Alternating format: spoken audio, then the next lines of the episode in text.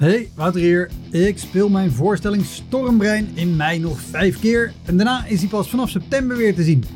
Op 2 mei speel ik hem in de Rijswijkse Schouwburg. Op 10 mei in de stad Schouwburg in Utrecht. 17 mei in het Toon Hermans Theater in Sittard. 25 mei in de Wiese in Schalkwijk.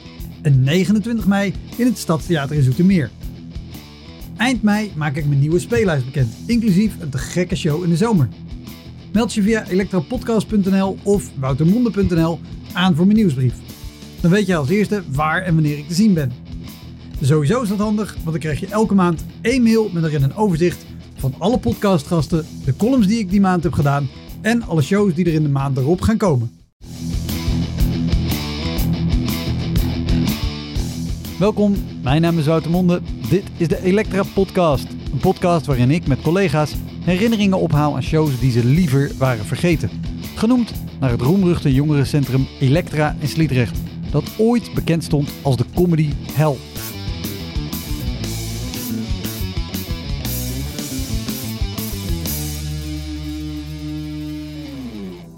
Deze aflevering praat ik met Urbanus, komiek. Er zijn zeker dertig mannen tegen dat tentje komen pissen. Die wisten dat niet. Die stonden daar te pissen. Hij zegt, grote meneer, die Urbanus, respect, zeg, respect, wat die allemaal kan. Urbanus is al ruim 50 jaar actief als komiek in Nederland en Vlaanderen. Hij speelde tal van shows, maakte de films Hector en Coco Flanel. En Urbanus was voor mij, samen met André van Duin, de eerste kennismaking met cabaret. En ik denk dat dat voor een hele generatie comedians en cabaretiers geldt. Fun fact, op de achtergrond hoor je af en toe honden blaffen.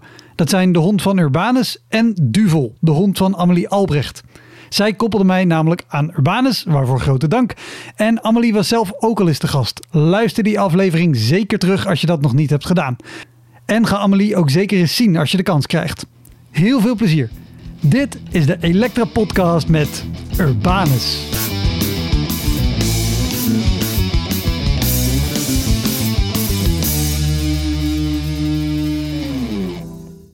Als ik over het Oude Testament begin, begin onderbreek me dan maar. Ik ben vertrokken voor drie uur. Is misschien ook een leuke podcast, maar, maar niet waarvoor, uh, Ja. waarvoor we gekomen zijn. Nou ja, eh, eh, tof. La- laten we eh, gewoon aan beginnen. Want ik, ik vind het sowieso heel tof, omdat je natuurlijk al heel lang speelt. Al, al ruim 50 jaar. Ja. Van in 1972 ben ik solo begonnen. Ja, ja, ja. Dan hebben we 2022. Ja. Maar vooral, en, en ik heb wel eerder eh, Vlaamse comedians gesproken natuurlijk, maar meer de stand-uppers die allemaal zo rond 2000 zijn begonnen en wat er toen was. Maar van de periode daarvoor met alle optredens in jeugdhuizen en, en bij Giro's en... Want op, wat voor plekken ben jij, je bent begonnen met een band? Dat heeft, Nee, nee. Oh ja, ja, ja. ja de, Maar de, anus. ja. ja, ja, ja. ja. dat heeft volgens mij niet, niet heel lang geduurd voordat je solo zes, ging. Zes maanden. en, eh, maar dat was omdat ik eh, alleen niet durfde op het podium stappen. Eh, ik was zo wat mensenschuw. En eh, ik wou eigenlijk al van als kind... Ik, mijn hoofd dat zat vol met verhaaltjes en, en dingetjes. Telkens ik eens zag... Kijk ik langs de andere kant, kon ik daar een grapje van maken.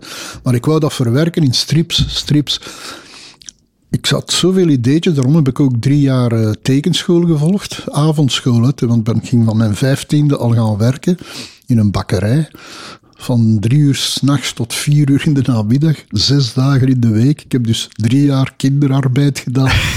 maar, eh, ik ging eh, ook naar de avondschool om te leren tekenen, maar nergens kon ik werk vinden, want de, de meest bekende tekenaars hier, eh, Willy van der Steen, Hergé, eh, eh, en allee, al die Ja. bekenden, die hadden al zoveel strips. Ja, dat is Die- Suske, Wiske en Kuifje. Ja, ja, ja, die wilden alleen maar slaafjes die hun figuurtjes inkleurden of zo. Maar mensen met andere ideeën, dat interesseerde en niet. Dus ik zat een beetje vast. En toen was gelukkig de kleinkunst uitgebroken. In Nederland is dat cabaret of zo. Ja. En ik zag hier ineens, want, want allee, op een podium optreden, dat was Elvis eh, en al die bekende bij ons, Wiltura en zo. Maar om op te treden, je moest daarvoor een mooi kostuum hebben, eh, een orkest en zanglessen volgen. Ik zeg, jezus. dat durfde ik niet. Of dat, dat interesseerde me niet. En ineens ontstond dus de kleinkunst en cabaret. En mijn idool, Jan de Wilde, dus, ja, die, die leeft nog altijd, die is nog altijd wel bezig. Die stond daar met een trui en een blue jeans gewoon gitaar te spelen in een jeugdclub. En ineens was die drempel voor mij duizend kilometer laag. Maar, maar, maar, maar wat, wat, ik ken hem niet. Speelde hij gewoon muziek of was dat ook al echt gewoon liedjes ja, en humor? Hij is, een muzikant, hij is een muzikant met heel mooie teksten, maar ook al die andere, ik heb daar nu op mijn nieuwe plaat een nummer van gemaakt, hè, alleen maar over jou. Al die charmezangers en slagerzangers, Oh, ja, ja, ja. die zingen altijd maar dezelfde liedjes, maar die liedjes gaan ook altijd over hetzelfde, over jou. en ik heb daar nu een nummer van gemaakt om daar wat mee te lachen. Maar ik heb veel vrienden, ik vertel dat altijd, hè, dat, ik- dat ik zo, met zoiets bezig ben. Zeg, als slagerzangers of charmezangers zeggen dat ze een nieuwe show hebben, dan hebben die gewoon andere schmink op. maar Jan de Wilde, die trad op en die zong over een zieke hond, of over een kapotte fiets, of een slechte kasseibaan. En ineens pff, ontplofte dat in mijn hoofd. Wauw, dat wil ik ook doen. En toen ja, heb ik mijn groepje Anus opgericht. Want wat wij daar op school moesten leren tekenen, een van de vakken was natuurlijk eh, tekenen voor logo's te maken of, of aandacht te trekken. En ik had toen iets bedacht. Mijn groepje moet een naam hebben. Ik ga dan een naam aangeven. Als je bijvoorbeeld twintig namen van groepjes aan de mensen geeft en je vraagt drie weken later welke herinner je je nog, dan moest die van ons erbij zitten en daarmee heb ik Anus genomen. En eh, mijn groepje heette Anus. Ja, zo ben ik in gang geraakt. Maar er zijn nu nog altijd liedjes bekend, gelijk De Wereld is om zeep en zo. eh, die heb ik toen gemaakt. En eh, Ah, wel ja, maar het is eigenlijk dankzij Nederland dat ik die anus heb laten vallen. Hè. Het is dokter Anduspé, heeft mij daarmee geholpen. Ik, nu vertel ik daar een goede grap over. Ik begon in Nederland. En eh, het was Jan Smeets dus, van Pinkpop. Ja. Die had mij hier bezig gezien en die wou me dan in Nederland lanceren. Ik denk dat een van mijn eerste optredens, ja, eerst in een jeugdclubje, maar dan heel snel in, eh, in Amsterdam, in dat klein theater. Allee, zo klein is dat niet. Hoe heet dat daar weer? Ja, een kleine komedie, De Bellevue. kleine komedie, ja. ja, ja. En eh, ik mocht dan snel terugkomen. Maar zie, dokter Andy Spee was bij mij geweest. En hij zei, ja, Urbanus, eh, bij ons is het allemaal zo cabaret, cabaret. Maar dat moet altijd gaan over de Tweede Kamer en engage- engagement en toestanden. En eindelijk nog eens iemand die komt grapjes vertellen over een postbode, over een zatte politieman. Eh, maar die van Anus ga je toch moeten weglaten, want je gaat alleen maar eh ja, hooligans en een idiote carnaval de zaal trekken. En eh, ik heb dat dan weggelaten. En eh, ja, ik, ineens zat ik in alle theaters, waar ook Freek de Jonge en eh, Kees van Koten en zo. Ja, ja. Dus dat heeft geholpen. Als ik daarna terug naar België kwam, had ik die van Anus ook weggelaten, maar werd dat daar met stift overal bijgeschreven op de affiches. En nu, nu in mijn show, van nu zit er een leuk grapje, je hebt het waarschijnlijk gehoord. Ik zeg, ja, met die van Anus aan mijn naam zou ik alleen maar hooligans en domme eh, carnavalidioten naar de zaal trekken. Zeg, nu heb ik die van Anus weggelaten en nu zitten jullie hier toch. Maar de mensen komen speciaal naar mij omdat ze weten dat ze, dat, dat ze beledigd gaan worden. Maar Amelie Albrecht, die hier nu ook is, die doet ook zoiets. Ik doe, ja, de meeste stand-up comedians die doen altijd interactie met het publiek. Maar ik doe dat niet, want het interesseert me geen kloot wat aan jullie denken. dat Ja, ja. het leukst. Maar zo is dat begonnen, ja. Maar hoe, eh, eh, want, want sowieso, we, we slaan nog gelijk de jeugdhuis over naar theaters, maar eh, zeker als je kijkt naar het cabaret van toen, met dus Freek de Jonge eh, en toen Nederlands Hoop, dat was inderdaad allemaal heel geëngageerd en heel serieus en, en hoogdravend. Jij brengt heel veel, maar niet dat. Wow, nu zit er meer en meer engagement in de show. Wel, Ja, ja, ja. Een grappige, maar als, ze, als, ze, als er iets verboden wordt, dan hou ik me daaraan. Maar dan maak ik een grap over die dat die wet gemaakt heeft. en dan denken de mensen automatisch. Ja, Maar, maar, maar, maar toch, en ik bedoel, je bent eh, heel succesvol altijd geweest in Nederland en nog. Maar heb je, heb, je, heb je nooit zalen gehad waar dus inderdaad allemaal serieuze cabaretliefhebbers zaten die, die rekenden op gewoon keihard maatschappijkritiek? Boah, ja, dat, En dacht, eh, ik ondervraag die het gaat hier over frisse warme wafels. Wat is dit nu? Maar nee, wat er mij soms opviel, eh, dat was dat in veel theaters de, abonne- de abonnementen met alle tickets weg waren. Hè. En eh, ik hoorde vaak van fans, maar allee, dat is al drie keer, en telkens is de zaal vol met abonnementen. En ik heb eens ergens gespeeld, ik weet niet meer waar, maar dat waren allemaal zo bijna bejaarden. En die zaten zo te kijken. Ja, af en toe lachten ze eens met een heel simpele grap. Maar ik zeg, maar kennen jullie mij wel? Niet echt. Ja, maar wat, doen jullie hier? Wat doen jullie hier? Donderdag theaterdag. Ik zeg. Echt waar. En dan kwamen die kijken gewoon om, naar om te even wat. Oh. Maar ik kreeg ze wel los hoor. Eén keer dat ik dat weet, dan, dan moet ik grappen over hen zelf te maken. En, eh, Allee, ik krijg ze wel los. Het gebeurt zo soms dat, dat, dat je voelt dat de zaal vol met fans zit. Wow, die is al ambiance voordat je Ja, ja, zegt. Soms moet je er wat aan sleuren. Maar dat komt goed.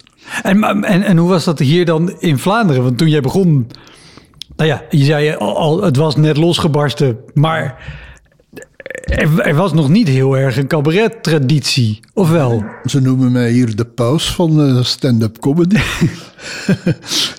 dat is waarschijnlijk door mijn liedjes over de religie. Ja, ik heb daar grappen over. Hè. Zo, tijdens de corona mochten we niet meer naar de mis in de kerk, maar als we genoeg op tafel klopten, mochten we wel nog naar de mos in de kee. dat is altijd... Maar als je daar zo'n grapje van maakt, passeert dat wel. Maar eh, ja, dat, dat ging hier eh, eerst van jeugdclubje naar neugdclubje en dat werd al een groter en groter zalen. Ik denk dat dat op een half jaar, dat ik bijna in dezelfde zaal meer volk trok dan, dan mijn idolen waar ik naar opkeek. Ja. Ja, ja, ja. Want al ja, Jan de Wilde, dat is dan, die heeft mijn eerste plaat geproduced. Dat was dan, eh, ik was daar een enorme fan van. Maar ja, die, dat was zo meer geëngageerd en meer eh, literair en toestanden wat hij deed. En eh, af en, we deden zo een keer af en toe een tournee samen. Dat we een maand iedereen verplichten van ons samen te pakken tijdens de maand maart eh, in dat jaar. Nee, dat is alleen Jan de Wilde en ik samen. En dan spelen we in grote sporthallen en toestanden. Maar ik trok natuurlijk een totaal ander volk aan. Allee, ik trok ook dezelfde, hetzelfde publiek aan als hij, maar ook er nog anderen bij. Ja, ja. Dus die kreeg daar van alles te maken met zijn organisatoren. Ja, die deden dat puur voor zoveel mogelijk inkomen en geld te verdienen. En eh, allee, sommigen vroegen dan aan mij, zeg Urbanus, die, eh, die een andere die bij is met u, eh, die was al tien jaar bezig, die een andere, moeten wij daarvoor ook de spots aansteken, want dat kost nogal geld. Serieus? Maar Jan, Jan stond daar dan bij. Hè. Ik kroop bijna in de grond van schaamte. Of dan hoor je een organisator bellen. Oh ja, het begint hier pas om tien uur. Eh, Jan begon altijd om acht uur. eh, En, en, daarna ik om tien uur. Dat was zo van acht tot twaalf. hè, Stonden wij daar. Dus dat was zo beledigend. Allee, dat is een aantal keer voorgevallen, maar dat was niet bij iedereen. Hè. Meestal kregen we evenveel respect. Maar dat waren de beginjaren. Voor mij was dat zo'n eureka als ik in Nederland kon doorbreken. Dan ineens was er een echte zaal met, met stoelen en een, en een organisator die aan mijn kant stond. In België was dat allemaal. eh, ik heb het nodig om mij te concentreren voordat ik begin. En dan hoor je de organisator. Als je langs daar gaat, kan je in de kleedkamer. En dan die sturen iedereen Serieus? ja, hij wou scoren bij zijn publiek. Dus eh, dat was voor mij zeer vermoeiend. En ook al die theaters, dat waren... Is, is, is er nog één organisator die je, die je bijstaat na al die jaren dat je denkt, oh, als ik die nog eens tegenkom. ja, ja, ja, ja. dat was een die had... eh, dat was ergens in de West-Vlaanderen. Een cafébaas. Ik denk dat hij drie of 400 tickets verkocht had. En er kon maar 60 man in zijn café. En eh, dat herinner ik me nog. Ja, die moeten dan maar door het raam kijken van buiten. ik, zeg, ik stond gewoon op een cafétafeltje. Dat was eventjes pauze. En daarna kwam ik terug. Die tafel stond vol met glazen bier en zo. Ik kon hem optreden. Ik zeg, weet je wat? Ik, eh, het is toch alleen maar stem en gitaar. Hè. Eh, ik deed het raam open. Ik zeg, ga op straat hier tegen de gevel spelen. Het was al avond en met de, de verlichting van straat. Zeg, mensen, kom buiten. En dan hebben de mensen zich daar allemaal zo gezet. En uh, iedereen ja, was een beetje boos op die. Ze voelden zich uitgebuit. En, uh, maar ik had gezorgd dat ik tijdens de pauze betaald werd. Hè. En toen heb ik zo op het einde gezegd, ja, zijn jullie tevreden? Wat vinden jullie ervan dat die zoveel... Oh, dat is verschrikkelijk, dat is verschrikkelijk. Weet je wat? Gaan jullie geld terughalen? Al dat vol. Die hebben de helft van dat café afgebroken en ik, ik naar huis. Ja, ik durf wel eens wraak nemen voor zo'n Ja, ja, dat ik hoorde daar... Ik hoorde van alles vallen. Maar ja... Maar kijk, in Nederland heb ik zoiets meegemaakt. Dat was voor een goed doel tegen de lange afstandsraketten. En het was Freek de Jonge die daarmee begonnen was. En, ja, begin jaren tachtig denk ik. Dat je heel veel protest tegen, tegen de plaatsing van kruisraketten. Ja. Freek had mij ook gevraagd. Ja, als, als Freek dat mee... Eh, hij was niet de organisator, maar hij was wie je allemaal contacteerde. Ja, dan heb je 100% vertrouwen. En toen bleek, ja, dat was tegen die raketten. Ik weet dat ik toen nog een grapje gemaakt had. Maar een benefiet tegen raketten, wat gaan jullie doen met dat geld? Daar proppen van maken en die raketten gooien. Hè? Maar daar zat gigantisch veel volk. Dat was bijna ja, een festival. En later is dan uitgelekt dat dat dus een, een oplichter was, een, een pornograaf of zo. En dat had daar niks mee te maken, die was weg met al dat geld. Ja, Freek wist dat dus ook niet, hè, dat was verschrikkelijk. Ja, ik heb zo, vroeger zoveel benefieten gedaan waarvan je achteraf hoort dat dat geld. Uh, het is dus gebeurd voor arme kindjes in Afrika en die hebben geen melk. En dan uh, ging er met dat geld melkpoeder gekocht worden voor die arme kindjes. Toen bleek dat ze dat gebruikt hebben als witte lijnen op een voetbalveld. Want die arme voetballertjes hadden geen, geen geld om witte lijnen te trekken. ja, Allee, ja. Sowieso, ik, ik heb ook wel eens het verhaal gehoord over jou, maar volgens mij ook over Jacques Vermeeren. Dat jullie allebei heel goed waren in tijdens het optreden tellen hoeveel mensen er in de zaal zaten. Ja, ja, ja, ja. dat moest je doen. Want uh, als ik ergens speelde, uh, dan hielden ze mij na afloop altijd aan het lijntje. En dan kwam er zo een, een, vrachtwagen van een brouwerij die daar dan honderd stoelen kwam weghalen. En dan werd het ander weer wat opengezet. Maar ja, ik had altijd een vrouw mee die de klak deed, die hield dat wel in de gaten. Maar maar, maar, maar waar, waarom, waarom telde je die tijdens het spelen al? Ja, tijdens vol met stro, dat is een heel lang nummer. En dat kwam zo vanzelf dat ik eigenlijk met de andere kant van mijn hersens. Maar ja, je moet ze niet. Je telt de breedte, al de diepte, dat ja, ja. achteraf wil vermenigvuldigen. Maar dan zaten er ook nog heel veel mensen op de grond en op de trappen. Hè. En dat we probeerden ze altijd te camoufleren. En uh, toen heb ik besloten om altijd met tijdens de pauze te laten betalen. Want als het afgelopen is, sta je daar. Hè. Dus, maar en als, ze mij, als ik voelde dat ze mij aan het oplichten waren, ja, dan zei ik dat er geen tweede deel kwam. Hè. Dan ging ik de mensen... Maar dat was het om, omdat er meer mensen zaten dan, dan afgesproken? Natuurlijk, die lieten daar veel meer mensen binnen. En uh, slechte stoelen en toestanden. In Nederland stonden mensen altijd uh, zeer snel recht. Je krijgt daar snelstaande ovatie. Ik zeg, amai, zijn dat hier ook allemaal zo slechte stoelen? Allemaal zeer pijn aan jullie kont. Want dat komt van die tijd. Maar ik heb ook geweest dat er zo in de zaal hè, een draadje met een microfoontje uit het plafond hing. Toen bleek dat daarboven ook nog 60 mensen gewoon naar een uh, versterkertje aan het luisteren waren. Die zagen niks. Dat zal wel goedkoper geweest zijn. Wauw. Maar ja, maar dat waren echte beginjaren. Dat was voor iedereen zo'n beetje ja, het begin hè, van die dingen. Alles werd georganiseerd door voetbalploegjes, jeugdbewegingen, uh, biljarters. Hmm. Om, geld en, om geld in het laadje te krijgen. Of dat de mensen konden genieten. Dat, dat zo zelfs plaatsen waar het zo gevaarlijk was voor brandgevaar. Daar was totaal geen controle. Je zat daar zo met een strooien dak en alles met, met riet. En dan was er één deurtje hè, voor al die mensen. En dan moest dan via het café naar buiten. En toen ja, is er toch een wet gekomen dat er toch een beetje een nooduitgang moest zijn. En ik heb nog meegemaakt dat opzij van het podiumetje zag ik zo'n deur, een nooduitgang. ik maakte daar natuurlijk een grap over. En dat was zo een lange, lange zaal, zo, hè. niet echt breed, maar lang. En uh, zeg, ah, hier is de nooduitgang. Oh, goed dat ik dat weet. Als dat hier in brand vliegt, ik ben direct weg en ik doe de deur achter mijn gat dicht. ja, dan zei er, ja, gaat er maar eens aan trekken.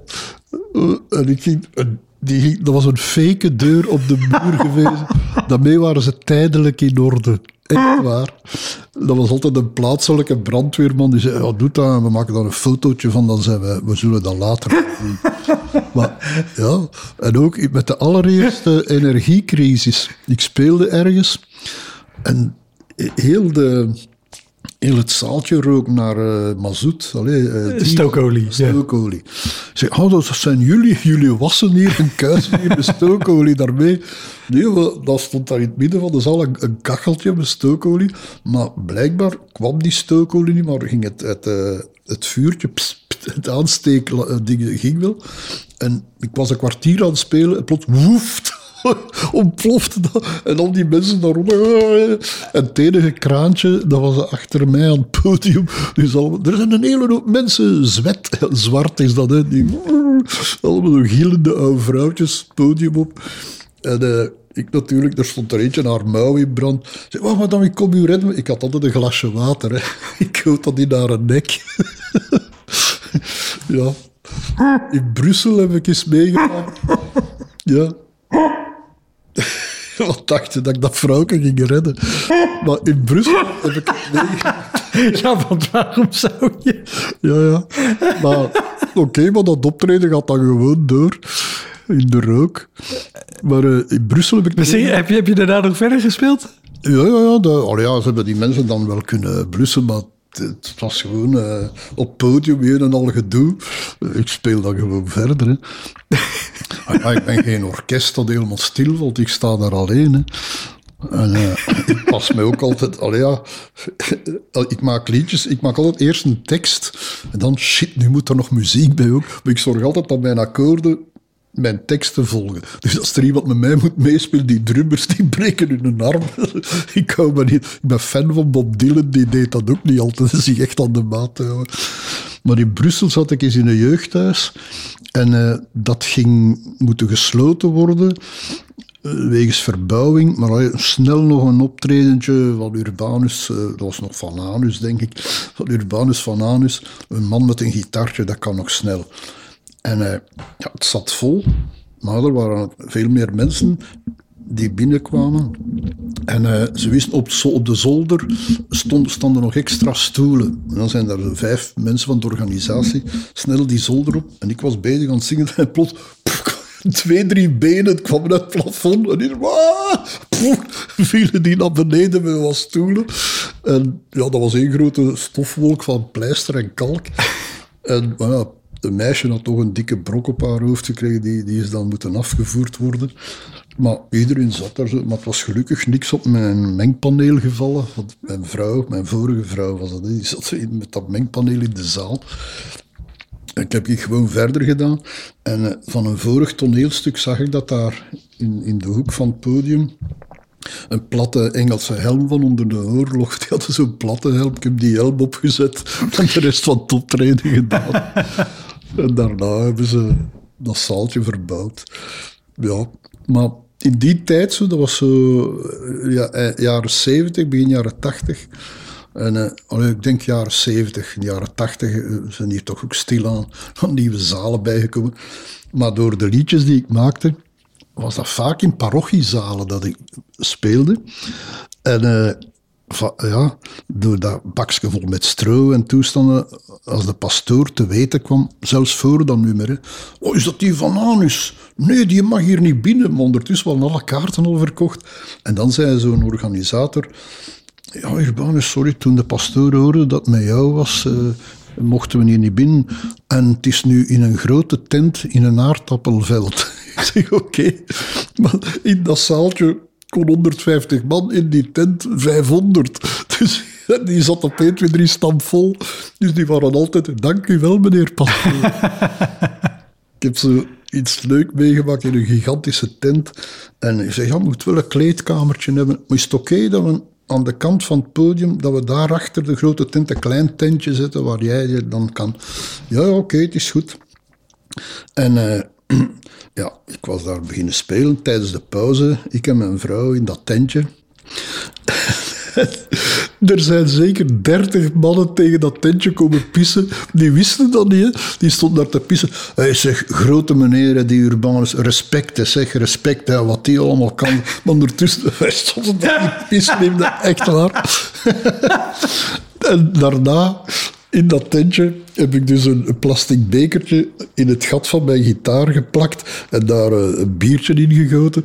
En dan kwam ik op voor het tweede deel. Zeg, godverdomme, wie is er daar tegen mijn tentje komen pissen? Oei, zat jij daarin? Maar ja, kijk. En dan goed, met mijn gitaar vol gepist. Maar dat was euforisch. Ik, ik kon altijd zo meteen een grap maken van iets Ja, ja, ja. overkwam. Oh, goed. Maar ik voelde mezelf ook nooit zo eh, een veredelde artiest. Ik vond dat helemaal niet zo erg.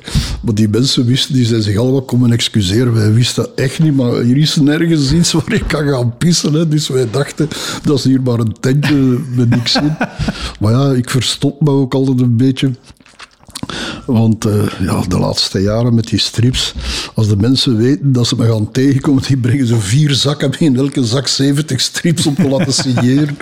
Dus ik verstop me altijd graag een beetje. Ja, maar dat zijn zo... Allee, ik heb veel van die verhalen in mijn boek verteld natuurlijk. Ja, er- staan ook een paar geweldige in. ja, ja, ja, ja. Maar, ook, maar die tenten zijn... Natuurlijk, als de tent helemaal vol zit, is, het- is het makkelijk spelen. Maar dat zijn niet per se makkelijke plekken om te spelen. Ook al, ook al zeg je, dat maakt me niet uit of ik doe een helm op. Ja, ja, Het maar zijn- ja, tuurlijk, grote luxe hoefde dat niet. Maar eigenlijk zo, mijn andere collega's, die kwamen ook allemaal in zo'n zalen terecht. Hè. Zo echt culturele centra en echte theaters. Dat was er nog niet toen. In Nederland, gans in het begin, zat ik eens had Smeets mij, Jan Smeets me naar een jeugdhuisje gestuurd. Dat heeft in Nederland een andere naam, hè? een jeugdhuis. Ja, jongerencentrum. Ja, jongerencentrum, zoiets. hetzelfde. En eh, ik moest al lachen als ik binnenkwam. Daar hing, eh, er zat een affiche van mij aan het deurtje gangen. Urbanus Patat Cabaret. Omdat ik een Belg was, hè, Patat Cabaret. Belgen die waren ja. patat. Maar dat vond ik al leuk. Maar dan stond ik daar. ik zeg maar, waar is de kleedkamer? En op het podium stond er zo een plastic eh, vierkante hokje zo, met een, een zeil over. Eh, Maar dat was maar zo hoog. Maar daar is eh, je kleedkamer. Zeg, maar, allee, dat- maar dat is toch goed genoeg voor een Belg? Oké. ja, Serieus? Ja, ja, zo. Zeg, maar ik was nog maar net binnen met een paar dingen. Zeg, shit, ik heb mijn verkeerde gitaar mee. Eh, ik ga snel even mijn goede gitaar... Ik ben gewoon naar huis gereden en allemaal laten stikken. En, en als gebeld. Zeg, Jan... Er was niet eens een kleedkamer, dus ik ben gewoon naar huis gereden. Oh shit, dat is de enigste keer dat ik niet, ben gaan dubbelchecken. Maar dat is één keer gebeurd. Ik heb altijd meer respect ondervonden in Nederland van de organisatie. Maar zo in het begin, zo de kritiek die ik kreeg, was dat ik een beetje te braaf en te melig was. En toen hebben er recensenten en journalisten gezegd, neem eens een voorbeeld aan, aan dingen Allee, die die zo heel ver kon gaan, eh, lachen met migratie en zo. Eh, hoe heet hij weer? Eh, zijn vriend Van Gogh, Theo van Gogh, is... eh, Eh, Hans Theeuwen. Hans Theeuwen, ja. Ja, namen en zo. Ik, ik, zocht naar iemand eh, half jaren tachtig. ja, ja, ja. Gewoon nemen ze een voorbeeld aan ons Steven. Hè. En dan ben ik alsmaar brutaler en brutaler geworden. Maar ja, nu staat dat allemaal op cd's en op platen en zo. Dus als je daar nu mee geconfronteerd wordt in deze tijden, leg het maar uit. Ja. Maar ja, de woke. In de show zeg ik... eh, Zo- Sowieso da- daar nog wel over. Want we stonden net hier achter. eh eh, voor als je luistert kan je het niet zien. Maar je hebt hier achter een kast met, met allerlei prijzen en dingen die je hebt gehad. Ja. Maar ook een Edison. ja, ja, ja, ja, ik heb een Edisonnetje gekregen. Maar, maar je vertelt daar een goed, goed verhaal ook bij. Want Edison is eh, een grote prijs in Nederland elk jaar voor muziek en, en dingen. Dit is de Edison populair in Grote 1986. prijs, maar toch maar een knoeier van een beeldhouwer, heb ik de indruk. nee, maar ja, ik was daar wel trots op. En, eh, het was... eh, Ja, onze Belgische minister van Cultuur is me die tijdens een optreden in Nederland komen afgeven. Terwijl er hier en daar toch zo gedoe rond mij was. Maar omdat het zo'n impact had op de jeugd en ook in Nederland, ja, zeiden ze, we kunnen dat niet negeren. Hè. We moeten die man toch in de bloemetjes zetten. Ja, daar was ik wel trots op. Edison populair, Edison populair. Er zullen andere zijn ook zeker nog. 1988, ja. Want, want, want weet je nog, eh, wa- waren er in die tijd ook eh, recensies waar, waarin ze negatief waren omdat ze het te braaf of te flauw vonden? Ja, ik had dus recensies eh, dat ze het wat te melig vonden. Wat ik denk, maar melig, waarom is dat ze... wel- Als je een taartje eet, dat het een beetje te plat is. Maar dat is eh, flauw eigenlijk. Hè. En dan ben ik als wat meer eh, brutaler beginnen worden. Eh, Is, is dat iets, had je daar zelf last van of vond je dat vervelend? Want ik kan me voorstellen, aan de ene kant, als dat een recensie is, maar je ziet ook hoeveel zalen er helemaal stampvol zitten, dat je denkt, het zal wel zijn. Tuurlijk, ik maar heb mensen altijd... vinden dit heel leuk. Ja, ik heb altijd gezegd, ik heb daar ook al grappen over gemaakt, over recensenten. Niet iedereen hoeft mij leuk te vinden. Want als je braaf en als je voor iedereen wilt scoren, ja, dan ben je het grootste, wat, het grootste watje ter wereld. En wat je wil hebt, als je in een zaal zit, dan heb je een selectie van mensen uit die stad die daar zitten. Al degenen die je niet leuk vindt, die zijn daar niet. Dus je hoeft daar geen rekening mee te houden. Als, als artiest, als je genoeg fans hebt, dat je daar mooi kan van leven, dan is het toch oké. Dus ik ga me niet aanpassen. Ik heb ooit eens een recensent uitgelachen. Ik was zo'n periode, overal waar ik speelde, stel dat daar vier of vijfhonderd mensen binnen konden toen. En dan kreeg men altijd door, goh, Urban, zou, ik heb zeker 300 mensen moeten weigeren die er niet meer in konden. Je zal nog eens moeten terugkomen. Dat was iets dat ik altijd hoorde, dat er eh, nog veel meer mensen hadden ingekund. En dan heb ik tegen die recensent gezegd, ja, overal waar ik speel is het meteen uitverkocht. En hebben ze 300 mensen, konden ze geen ticket meer verkopen omdat het vol zat. Maar door jouw schuld zijn het nu 270 die er niet meer in kunnen, omdat het vol zat. Fuck you. ja, maar dat is natuurlijk, ja... Dat is fantastisch als je als, je als artiest, ja, oei, oei, vandaag zit het niet helemaal vol, oei, morgen, ja, dan moet je braver zijn. Als iedereen je begint eh, scheef te bekijken. Maar ik heb altijd de luxe gehad dat mij dat weinig kon schelen. Zo nu in, in de grote krant hier ieder jaar, het laatste nieuws, is het altijd jaar zo de Belg van het jaar. Vroeger zat ik daar, nu, ik heb nooit op één gestaan, maar zat ik daar altijd wel in, in de top 100. Zo. Maar tegenwoordig, nu moet je natuurlijk eind december naakt tegen een, frietkot omverrijden en, eh, en dan kom je daarin. Als je in januari van het jaar 500 mensen hun leven gered hebt, dan zijn ze je vergeten. ik ik eh, echt geen belang meer aan charts omdat er 100 miljoen trucs bestaan om dat te manipuleren. Dat Eh, ook. Zo, ook zo Spotify. eh, ik ken mensen hè, die hebben een liedje gelanceerd, maar je kan op een, met een, een of ander trucje iets instellen dat dag en nacht iets draait, dat, dat telkens dat nummertje gedraaid Ja. wordt en dan tellen ze maar op.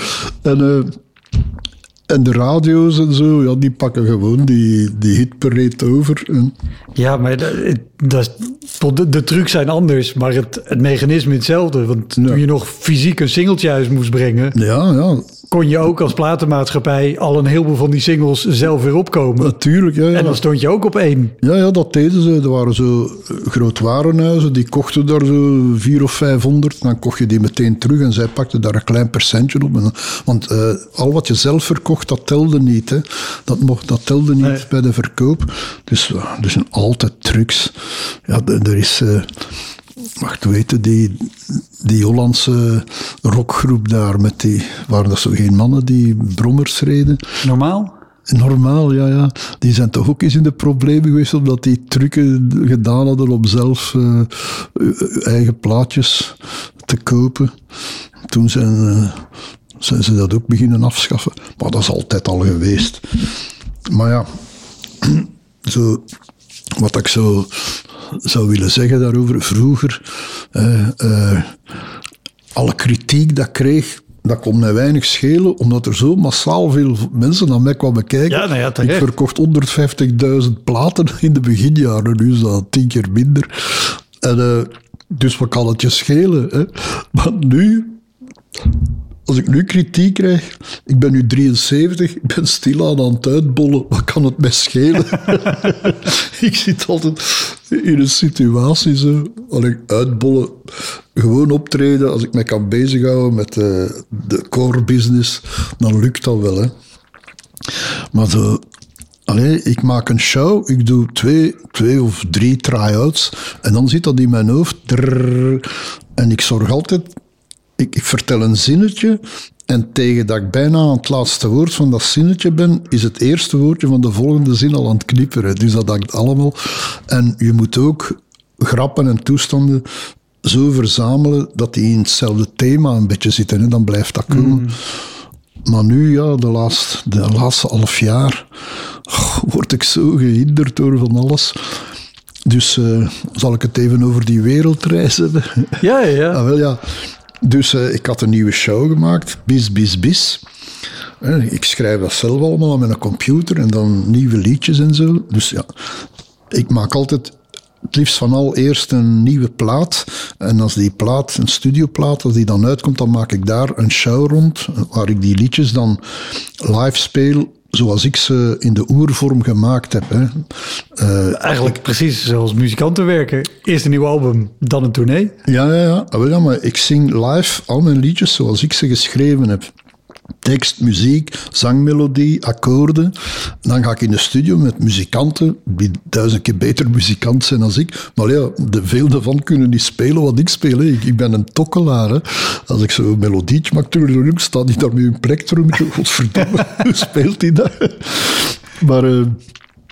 Allee ja, ik zat nu met een nieuwe show in mijn hoofd, bis, bis, bis. Omdat mijn vorige show, ik was in Nederland nog niet helemaal rond. Ik had nog 18 optredens te doen en dan twee jaar wachten. Ik zeg ja, ik ga geen, voor die 18 optredens nog eens. Ik ga tijdens de grote coronavakantie. in de grote coronavakantie heb ik mijn boek geschreven. En ondertussen ook een nieuwe show in elkaar ge- gestoken. En eh, ja, Hoi, Wouter hier. Wist je dat er al meer dan 160 afleveringen van Elektra online staan? Dus het kan heel goed dat je net die aflevering hebt gemist met een comedian of cabaretier die jij echt helemaal te gek vindt. Op elektrapodcast.nl kan je makkelijk zoeken op de naam van een gast. En daar kan je ook heel makkelijk doneren of crewmember worden om mij te steunen bij het maken van deze podcast.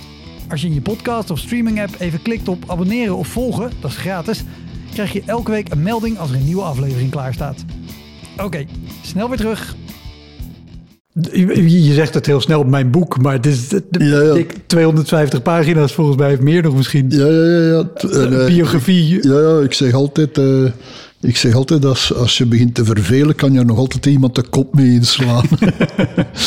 ja, maar het is van mijn geboorte tot, tot, tot nu.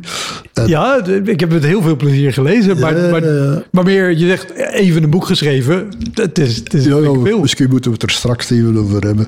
Maar zo, ineens kwam zo het voorstel, Jacques Vermeer is ook een bekende komiek hier, dat is meer een, een acteur, televisieman. Ja. Maar op het podium, ja, eh, die kan alles wel spelen, maar heeft natuurlijk iemand nodig die de grapjes aangeeft. Dan moet je, als er iemand begint over een garage, ja, dan weet je dat je iets moet doen over je auto in de garage. en, toen mij direct denken aan, een, leuk grapje van André van Duin. Hij was in de mist al heel de tijd iemand aan het volgen en aan het volgen. En plots stopt hij. Reed hij daar. Maar doe idioot, waarom stop je? Ik, zit hier thuis in mijn garage, idioot. maar eh allee, ja, ik, ik ben mijn aangever en mijn afwerker. Ik moet alles zelf doen. En eh, ik kreeg zo het voorstel om een wereldreis te maken voor televisie, samen met Jacques Vermeijren. Er is hier een bekende televisieman, Erik Goens, die zo het huis en zo... Al ja, dat was met die man. Ik zeg, ja, maar, ja, ja, maar het is in de zomer, als alle theaters toch dicht zijn en zo. Oké, dan wil ik dat wel doen. Dan ben ik weer met iets bezig. En, eh, maar toen had Jean, Jacques eh, tijdens een TikTok-filmpje met zijn dochter zijn schouder gebroken. Klopt, ja. En werd heel dat, dat project drie maanden uitgesteld. Maar zat dat dan natuurlijk, die wereldreis, dat was dus eh, New York, eh, Jakarta, eh, Nepal. Nu binnenkort moeten we naar Zuid-Afrika. Eh, ook Berlijn, dat viel nog mee. En Ibiza en zo, dat was nog dichtbij. Maar De, insteek van het programma is dat jullie op verschillende plekken op de wereld gaan kijken of humor daar ook werkt of hetzelfde Ja. werkt. Zo'n beetje toch? Ja, ja, dat was zo gezegd de bedoeling, maar wij hebben hier, eh, meestal komen we dan terecht in zo erge situaties. Maar ja, want die, die tv-man, eh, als Sjaak en ik staan grappig te doen, flauwekul, dan komt die ertussen met zijn microfoon. En wat vinden jullie het meest traumatische moment van jullie leven? En ja, ja. Maar ja, dat evenwicht moet er wel zijn, anders is het flauw.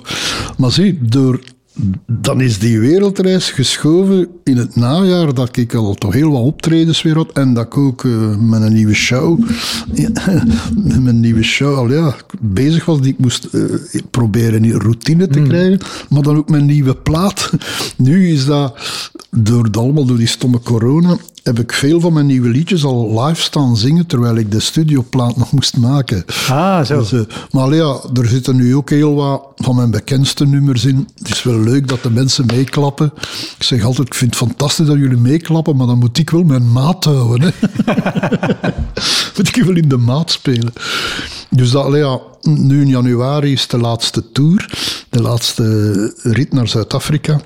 En dan... eh, heb ik nog twee optredens in Gent. In plaats van een best-of van de zeven afleveringen, gaan wij een soort show maken rond die wereldreis. En dan kunnen daar mensen komen naar kijken. Dus dat brengt geld op in plaats dat het geld kost. Fijn. dus we gaan zien. Maar, allee ja, ik zit constant zo. Wij zijn elkaar aan het uitlachen. Jacques en ik hebben dus in New York in Comedy Cellar opgetreden. Dat is zo'n zeer bekend eh, Ja, ja. Comedy Cellar. Een van de grootste clubs in, Ja. in New York en Ja. daarmee wel de, de comedy scene überhaupt in Amerika. Ah, wel ja, we zijn daar. Maar ja, je mag maar acht minuten spelen. Je bent gast, hè. Ja. En, En, eh, en, en voor, voor het plaatje, misschien als, als mensen de serie eh, Louis hebben gezien van Louis C.K., die zie je ook vaak optreden in een kelder met achter hem een beetje een soort glas in lood. Dingen, dat is de Comedy Cellar. Ah, het ja. is een hele grote naam en een piepkleine club. Ja, ja, het is ook eh, in een keldertje. Oh, ik En- ben... Sorry, ik ben zo ontzettend jaloers op mensen die jou en Jacques in de Comedy Cellar in Ja, New ja. York hebben gezien. Dat is... Jawel, ja, ja. En eh, wel ja, ik vroeg... eh, Jacques ziet mij als... Ik was eerder bezig dan hij. En eh, ik vroeg aan Jacques, zeg, mag ik voor jou spelen? Allee, Urbain, jij gaat toch niet in mijn voorprogramma spelen, jong. Maar jawel, dan ben ik zeker dat er nog volk zit. Zo zijn we elkaar altijd een beetje... eh, eh, maar ik heb dan in het Engels opgetreden, hè. Dan vertel ik al mijn grapjes in het Engels. En ik heb zo'n liedje, De wereld is om zeep, maar dat is iets dat alleen in Vlaanderen en Nederland bekend is. Nu heb ik dat nummer verteld, The world is after soap, maar geen enkele Engelsman die dat begrijpt. Maar zelfs hier... Maar ja, ik heb een klein beetje uitleg gegeven waar die uitspraak vandaan kwam. Maar ik zal het even uitleggen zelfs Nederlanders, ik heb het opgezocht ergens, hè. ik weet niet dat dat 100% de waarheid is, maar blijkbaar is dat, die spreuk ontstaan tijdens de kruistochten, zoveel jaar geleden. Hè, dat eh, ja, de, de islam eh, Europa wou aanvallen, de kruistochten. En ze zaten in Nederland en En, en Vlaanderen. het Nederlands christelijk geloof vooral. Ja, ja, ja. Overal wilde ja, verspreiden. ja. Maar ze zaten hier zonder zeep of wasproducten. Dan moesten er regelmatig boten de Middellandse Zee oversteken. En heel veel van die boten ja, die waren omgekomen of die waren overvallen. Hè, dus eh, toen is de spreuk ontstaan als er ergens iemand eh, ergens naar heen ging, is die nog altijd niet terug. Oh, die is waarschijnlijk zeep gaan halen, omdat er zoveel mensen nooit meer terugkwamen. Ah. En blijkbaar zou die spreuk daar vandaan komen. Maar eh, ja, dat is iets dat bij ons ontstaan is. Maar dat zijn dingen die mij altijd interesseren. Iedereen kent nog sp- spreuken, gaan generaties, generaties verder, maar niemand... Nee. het kan niet door de beugel, weet je waar dat vandaan komt? Dat waren... Vroeger, ja, het kan honderd jaar geleden zijn, had je zo rijke boeren en baronnen en zo, en heel veel plebs, gewoon mensen. En die boeren hadden velden en bossen en zo, en die wilden niet dat er gewoon mensen daar kwamen stropen en zo. Hè. Eh, Dus dat had dat iets te maken met honden. Eh, een beugel, iedereen mocht wel een hondje hebben. En dan ging er iemand van de gemeente of politie met een beugel. En als dat hondje daardoor kan, was het oké. Dan kon die wel eens een konijntje of een fazant vangen. Maar een grote hond, als die er niet door kon, kregen ze een boete. Want met een grote hond kon je herten en everzwijnen vangen. Ah. En dat was dan de regel, dat de gewone mensen maar een klein hondje mochten hebben. En ik heb dat opgezocht. Ik weet niet dat dat 100% wetenschappelijk bewezen is. hè, maar ik zoek graag dat soort Ja. dingen op. Maar er zit toch een logica in. Hè? Ik heb een keer met een vriend van me maakten we een radio-item. En dat ging over de VVD, rechtspartij in Nederland. Maar die hadden eh, heel veel integriteitskwesties met vriendjespolitiek en Ja, ja. half corruptieachtige dingen. Maar die hadden op een gegeven moment een ethische commissie. Mhm. En die besliste dan of bepaalde zaken door de beugel kon. Ah, ja. En zo nee, dan maakten ze de beugel groter. Ja, dat is ook mooi. Ja, maar nu zitten we echt wel in een, een woke-periode. Ik zeg, waar, eh, hè, waar woke gelijk heeft, moeten we ze knuffelen. Waar ze zelf de slinger doen doorslaan, moeten we, die- moeten we die twee F'en van knuffelen vervangen door twee P's. ja, het is, die mensen hebben wel veel punten. Ik zeg dat in mijn show. Een- Ik, ken ik heb een vriendin en een vriend die effectief een handicap hebben. En ja, eh, die waren altijd al fan van mij, maar vroeger had ik sowieso een grapje. Ik zal ze vertellen, maar ik zal het daarna weer recht trekken en me excuseren. hè. Eh, mijn auto stond in pannen en reed niet. En ik had eh, een, nonnetje, een nonnetje van daarnaast gevraagd of dat zij me naar het optreden wou brengen. En nonnetjes hadden vroeger in de jaren 70, 60, 70 de reputatie dat die super traag reden op de snelwegen. En zo dat nonnetje bracht me naar een optreden. En ik natuurlijk, urbanus van anus. Zeg, zuster Menstrua, rijd verdorie eens iets sneller. Straks zijn de gehandicapten weg met de beste parkeerplaatsen.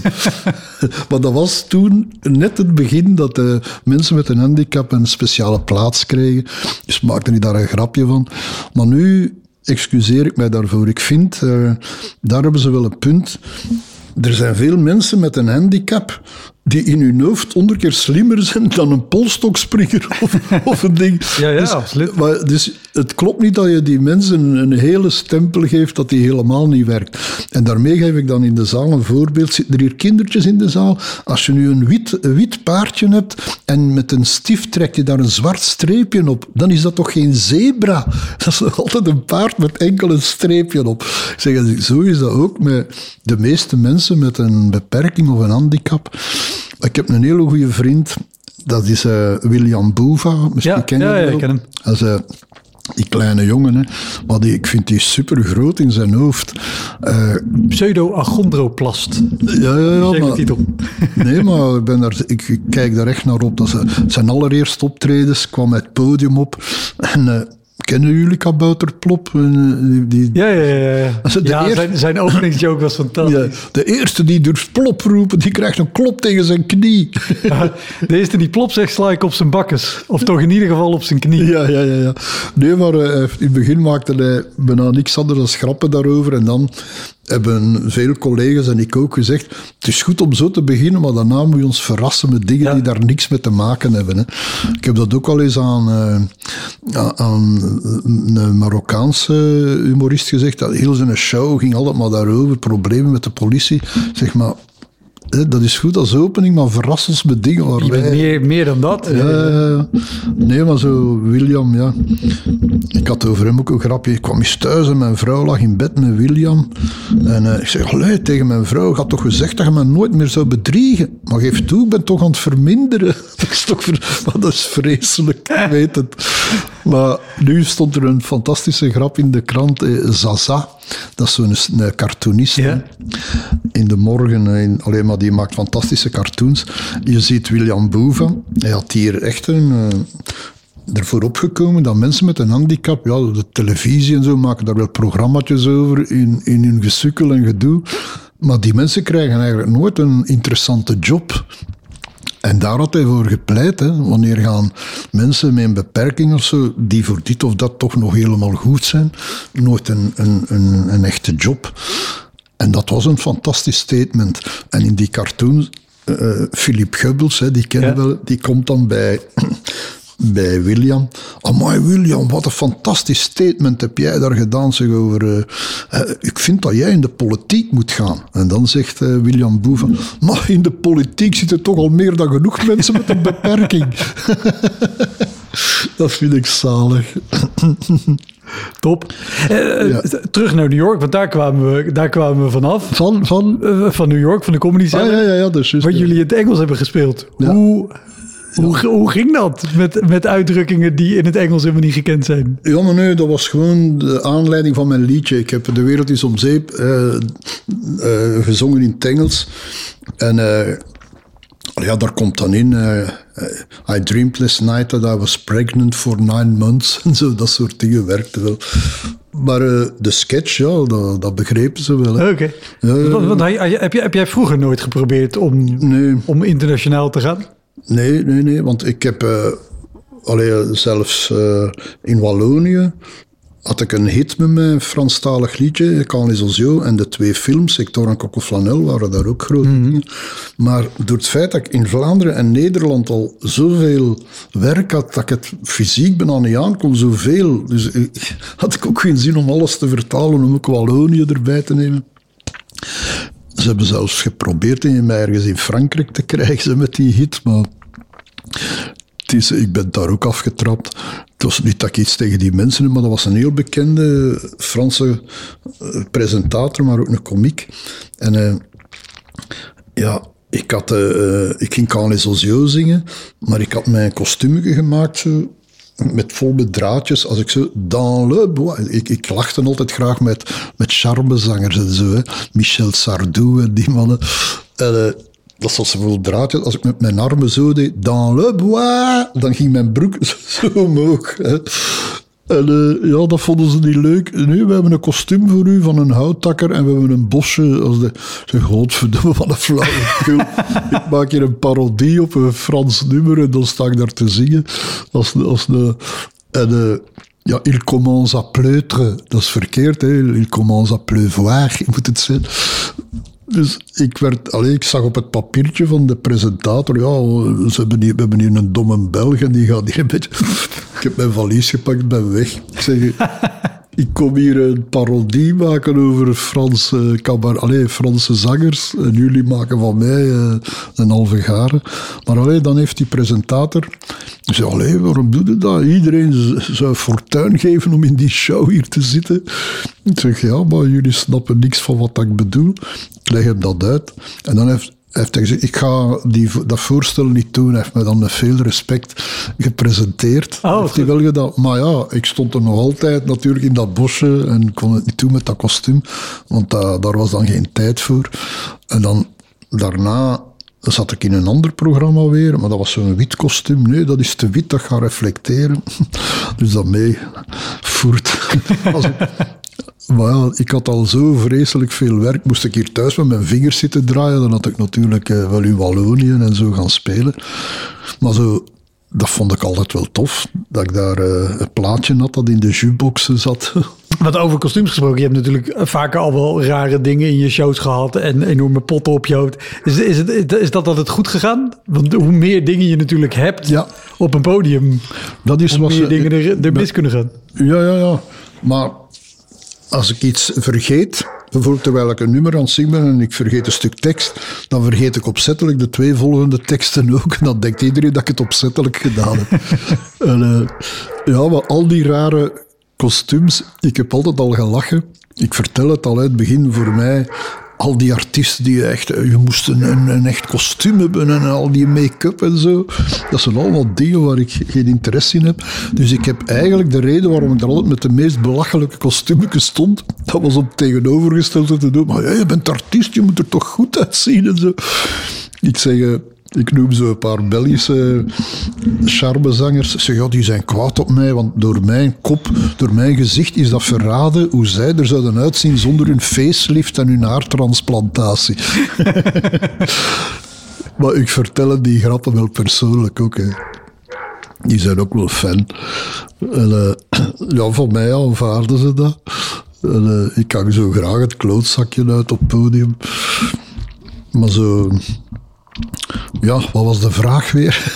Nou ja, of, of, of daar nooit dingen... Want als je zegt, ik heb een pak waarbij als ik mijn armen spreid... dat mijn broekspijp omhoog gaat. Ja, ja, ja. Ik ben altijd aan het lachen met het gedoe eh, van mensen die zich helemaal optutten en zo. Want het is voor televisie. En eh, ik zal eens een voorbeeldje geven. Ik zat eens in een, een praatprogramma. Dat moet ook de jaren 90 geweest zijn, of, of, of 2000. Of zo. Ik zat in een praatprogramma. Bla bla bla bla. Ah, we hebben hier een filmpje van, van u van eh 25 jaar geleden. We keken. Ik zat in dat programma met hetzelfde hemd. Dat is dat aan dat filmpje. dat filmpje. Ik hou me daar echt niet mee bezig. echt waar. ja, ja. Oh, ja. Ik draag kleren om eh, niet bloot rond te lopen. Hè. Dat lijkt me een heel goed punt om kleren te dragen. Ja, maar mensen die meer daarmee bezig zijn dan... Ik ben vooral bezig met inhoud. Zo, waar ik zo bij Jacques altijd lach. eh, Als we in Berlijn waren, eh, moesten we daar even graffiti op een Berlijnse muur sproeien. Dat wordt daar veel gedaan. Hè. Wat ze eerst doen is zwart spuiten. En dan moet je daar met kleurtjes over, maar dat is heel moeilijk. Hè. Dat spuit zo geen mooi lijntje. hè. Dat vliegt aan alle kanten, die lijn. Ja, er was een jongen bij die dat al jaren deed. En die zei, het duurt anderhalf jaar om dat goed in de hand te krijgen. Dus wij moesten dat daar meteen doen met een camera in onze nek. Maar dus ik, ik spoot zo, ik tekende een urbanusje uit de strip. Hè, dat was zoiets toch van een meter groot zo. En eh, ja, die jongen, alle lijnen waar het uitschoof, spoot hij dan met zwart dat, dat weg, zodanig dat dat lijntje scherper werd. En het figuurtje was gemaakt. Dan onderaan teken ik een cirkeltje en dan zet ik daar u, hè, mijn naam. Allee, Jacques, ga jij ook eh, iets doen? Nou, zijn rol in FC de Kampioenen is Ja. DDT. Die schilderde Een hele an- anderhalve meter DDT. Zijn naam zo groot, maar teken ik niks. dat is weer typisch, hè. Heel veel poeha, maar inhoud nul. Maar ja, ik, heb dan mijn naam ook ietsje groter erbij geschreven, als leek het alsof hij die tekening gemaakt heeft. Maar ja, hij weet dat, hij bewondert me daarvoor dat ik kan tekenen. Eh, ja, hij had dat normaal ook niet gedaan, maar ja, als ze hem vragen, Jacques, teken ook eens iets. Ja, D, D, T. Ja. En is er, is er nu weer... eh, in Nederland ga je weer toeren, in Vlaanderen ben je aan toeren. Is, is er één plek waarvan je, waar je op terugkijkt, waar je, waar je vroeger bent geweest, waarvan je denkt... Oh, gelukkig dat ik nooit meer naar die plek of naar zo'n plek Goh, hoef. nee. Als waar ik... Nee, sorry, daar kan ik me niks herinneren. Of, of een, een, een type show, het hoeft niet eens per se een plek te zijn. Ja, maar ik denk zo, een aantal jaren geleden zo, Amsterdam, dat daar gewoon een totaal andere generatie is die mij niet meer kent of zo, ik weet het niet. Eh, ik, kreeg het daar toch eh, moeilijker om ze eh, allee, even hard mee te krijgen als in andere zalen. Dus ik zou liefst zo eerst weer beneden aan Nederland beginnen en zo weer naar boven kruipen. Want ik weet zo, Philip Geubels is daar ook bekend, hè, maar die wou nu hoger dan Amsterdam. Die zegt dat die, dat die van eh, dingen eh, maar naar beneden komen. Hè. ja, maar zo, ik heb altijd een leuke anekdote, je zult ook in het boekje wel gelezen hebben. We zaten ergens in het noorden en dan... Allee, dan bleven we wel overnachten. Als we twee optredens hadden, maar meestal, gelijk nu Den Bos of Os, ik reed zelfs vier keer weg en weer naar huis. Maar ja, ik had altijd al gewerkt van drie uur s'nachts tot vier uur in de namiddag. Dus ik vond rijden mijn dagtaak begon, twee uur spelen, terug. Dat was een werkdag gelijk Ja. een andere. Als ik in een hotel bleef zitten, dan bleef dat optreden in mijn hoofd drrr, doordraaien. En als ik kon naar huis rijden, kon ik dat afronden, mijn beestjes verzorgen, was ik thuis. Ik had dat wel nodig. Maar ze één keer zaten we ergens in het noorden. En er was ergens een congres waardoor dat al die hotels bomvol zaten. Dus wij vonden geen hotel. En ik en mijn technieker maar zoeken en vragen.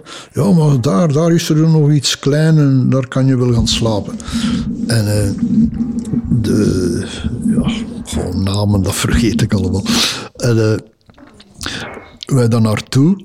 We staan er aan die desken, maar er is niemand. Wij maar tikken en wachten. Maar ja, de technieker moest dan snel terug om alles klaar te zetten. Ik zeg, ja, maar ik regel dat hier wel. Ik bleef maar wachten. Ik zag er niemand. Dan ging ik zo boven, een gang met allemaal kamertjes. Ik aan die deuren dansen. Ik zeg, en, en ineens een kamer open. Ik daar binnen met die valiezen. Ik zeg, ja, ik zal mij straks wel alles regelen. Ik was daar beginnen dutten. Oh ja, je bent al vier, vijf uur aan het rijden. En plots hoor ik in die gang een hoop kinderen roepen en die, die waren aan het spelen en aan het gibberen. Zeg, wat is dat hier? Ik ga kijken in die gang, dat een aantal vrouwen. Ik zat in een, in een huis voor uh, mishandelde vrouwen. Dat was een vluchthuis voor mishandelde vrouwen. En die waren net allemaal gaan eten, echt. Allee, ja, zij herkenden mij. Ik heb dan terug naar, naar de zaal moeten rijden, we hadden geen hotel. Echt. ja, echt waar. Top, dankjewel. Allee. Dat was hem, de Elektra Podcast. Meer informatie over mijn gast van vandaag en linkjes naar van alles en nog wat vind je in de omschrijving van deze aflevering. Er staan ongelooflijk veel afleveringen online van Elektra. En op elektrapodcast.nl kan je makkelijk zoeken op de naam van jouw favoriete comedians en cabaretiers. Je kan daar ook eenmalig doneren of crewmember worden. Als crewmember betaal je maandelijks een klein bedrag, maar dan krijg je ook nog eens bonusmateriaal. Je luistert voortaan zonder onderbrekingen en je krijgt consumptiebonnen die je kan inleveren bij een show van mij. Ik vind het sowieso te gek als je een keer komt kijken bij mij. Dus ga naar woutermonde.nl, daar zie je precies waar en wanneer ik optreed. Of meld je aan voor de nieuwsbrief, dan hou ik je op die manier op de hoogte. En dan nog iets, elke vrijdagmorgen doe ik een column op radiostation Kink. Je kan die column terugluisteren als podcast. Hij heet Kink op de Week en je vindt hem in de app waar je ook deze podcast luistert. Oké, tot de volgende Elektra. Hoi!